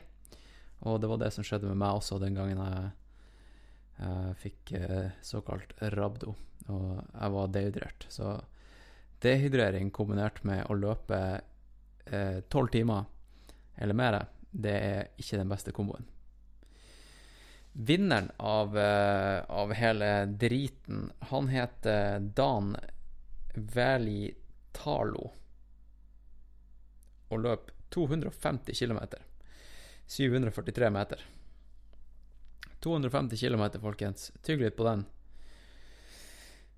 Andreplassen gikk til eh, første og beste eh, nordmann. Han heter Jo Inge Norum og springer for Hell ultraløpeklubb. Og han sprang 243 km, 736 meter. To kilometer bak vinneren, altså. Vinneren på eh, kvinnesida heter Simone Durri og kommer fra Tyskland. Hun sprang 228 km og 79 meter. Og andreplassen gikk til eh, eh, ei som heter Cecilie Holmgren, og hun springer for Romerike ultraløpeklubb og Team Hoka. Oh nei, oh. Og hun sprang eh, 209 km og 864 meter. Og så en ekstra shout-out. Man gir jo ekstra shout-out til dem man kjenner personlig. Og eh, hun Liss Vallestrand kom på tredjeplass. Og hun sprang eh, 206 km og 854 meter. Og det artige var at eh, to uker i forkant eh, så var jeg og, og løp med han eh, Johannes på, på Bislett og trente. Og da var hun Liss der også, med kidsene sine. Og det er jo det her som er så artig med med foreldre som, eh, som kombinerer ultra, ultraløping eller løping generelt med, med foreldrelivet, er jo at eh, det er ikke alltid så enkelt å, å få inn den der treningsøkta. Og hun hadde da um, På grunn av, av logistikk så hadde hun med seg kidsene sine uh, på Bislett, og de uh, var ikke så gira på å løpe med henne. Og den økta jeg var vitne til, som hun hadde der, det var nok uh, den kjipeste treningsøkta jeg har eh, sett i hele mitt liv, der hun eh, måtte rett og slett eh, krangle til seg eh, og få lov til å løpe en runde på Bislett eh, med kidsene som eh, absolutt ikke ville være der. Så det er jo helt rått at du klar, klarer å kombinere foreldrelivet med, med å løpe 206 km på Bislett i 24 timer. Liss, ekstra shout-out til deg. Og så har vi han eh, Fred eh, Andersen, som løp eh, 170 km og 697 meter. Ekstra shout-out til han Fred, fordi han er en, eh, en ganske så ihuga lytter av podkasten, og også en, også en Patrion. Jeg vet at han Fred fikk litt magetrøbbel og ikke løp så langt som han ville, men ehm, han løp nå 24 timer, og det er eh, ufattelig eh, Altså 17 mil uansett. Kom an, det er rått. Så shout-out til han eh, Fred. Det var Hvis du eh, husker litt tilbake i tid, så hadde jeg en konkurranse med at du kunne vinne en eh, en caps fra Flow, Flow Motion, som er den her stabiliseringskamera eh, Kamerastabiliseringsverktøyet. Um, og da vant han Fred den, og jeg møtte han i Hornindal første gang. Og ga han den her eh, capsen, og vi ble litt kjent der. Og jeg fikk ikke prata så mye med han Fred på Bislett, men uh, neste gang Neste gang, Fred. Eh, og så vil jeg Kanskje jeg skal begynne å runde av, men jeg, jeg tenkte bare jeg skulle ta og, og eh, nevne Nevne dagens eh, sponsor bortsett fra mine patrions, eh, og det er Moonlight. Og da hadde jeg en liten story fra en løpetur som jeg var på Det var vel i forgårs. Jeg våkna opp Jeg la meg skikkelig tidlig dagen før, og så våkna jeg opp av meg sjøl i sånn femtida. Og så tenkte jeg i dag I dag skal jeg bare ut og blaze. Ut og blaze eh, på morgenen før jobb. Og så, og så stakk jeg ut uh, ut uh, kanskje sånn halv seks. Og uh, tok på meg ganske raske asfaltsko og tenkte Det, var, det her var jo før snøen var kommet. Og så begynte jeg å løpe på grusen innover mot Lilloseter. Og selvfølgelig, det var jo bekmørkt, så jeg hadde jo hodelykta på hodet. Den her Brightest Day 700. Men så skjønte jeg etter hvert at uh, jeg trenger ikke hodelykt i dag, fordi at uh, månen skinte såpass sterkt, og det var helt klart på himmelen. Og det var uh, Stjernene lyste også opp.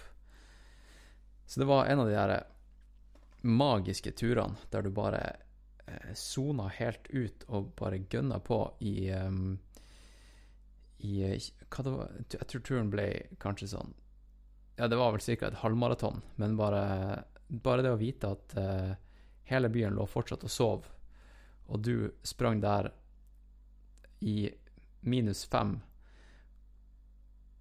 med en halvmåne som lyste opp stien for deg, og Karlsvogna på himmelen. Det var fantastisk. Så det er ikke alltid man trenger hodelykt, men når du trenger hodelykt, så anbefaler jeg Moonlight. Um, og det, det som er så bra med Moonlight, er at de er jo også norske. De holder jo til i Burfjord i, uh, oppe i, uh, i Nord-Norge. Kanskje en times kjøretur fra Alta og ca. fire og en halv fra Tromsø. Jeg tenker kanskje jeg skal ta og besøke dem når jeg er hjemme i, um, i Tromsø i, i juleferien. Um, men eh, den eh, Brightest Day 700, 700 Lumen, det er en kjempebra lykt som jeg anbefaler hvis du skal kjøpe hodelykt, hvis du trenger hodelykt, eller hvis du vil eh, gi bort noen i gave. Ta og Bruk kodeordet HK15, så får du 15% avslag på nettsiden deres. Og det kodeordet kan du også bruke på skiene deres. For de har jo også faktisk verdens mest badass rando-ski. Og det er vel mange av mine lyttere som også driver med rando, så hvis du vil gjøre et scoop, så kan du eh, bruke kodeord HK15 på nettsiden deres. Og hvis du støtter Hvis du bruker den, eh, det kodeordet, eh, så støtter du også podkasten eh, indirekte. Så det, det er dødsfett.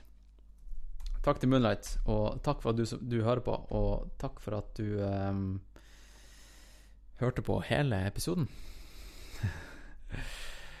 All right, men da, da skal jeg ta avslutte dagens episode med en liten låt som kommer fra en eh, barne-TV-serie som eh, ble sendt i Danmark på 70-tallet. Jeg prøver her i podkasten å komme meg unna alt som heter copyrights, og da er det bare å finne sanger som eh, er såpass eh, far out there at ingen kommer og tar meg i etterkant.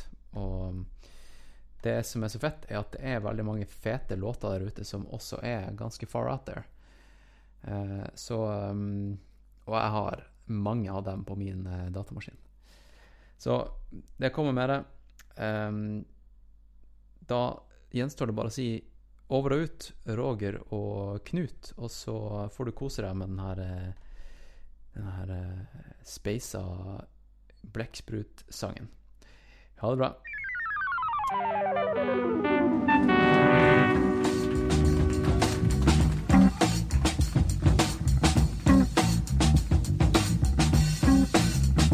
Når jeg keder mig, så skifter jeg farve. Og jeg gemmer mig, så jeg bliver helt væk. Når jeg keder mig, så skifter jeg farve. Og jeg gemmer mig, så jeg bliver helt væk. Jeg. Og så skyder jeg med blik.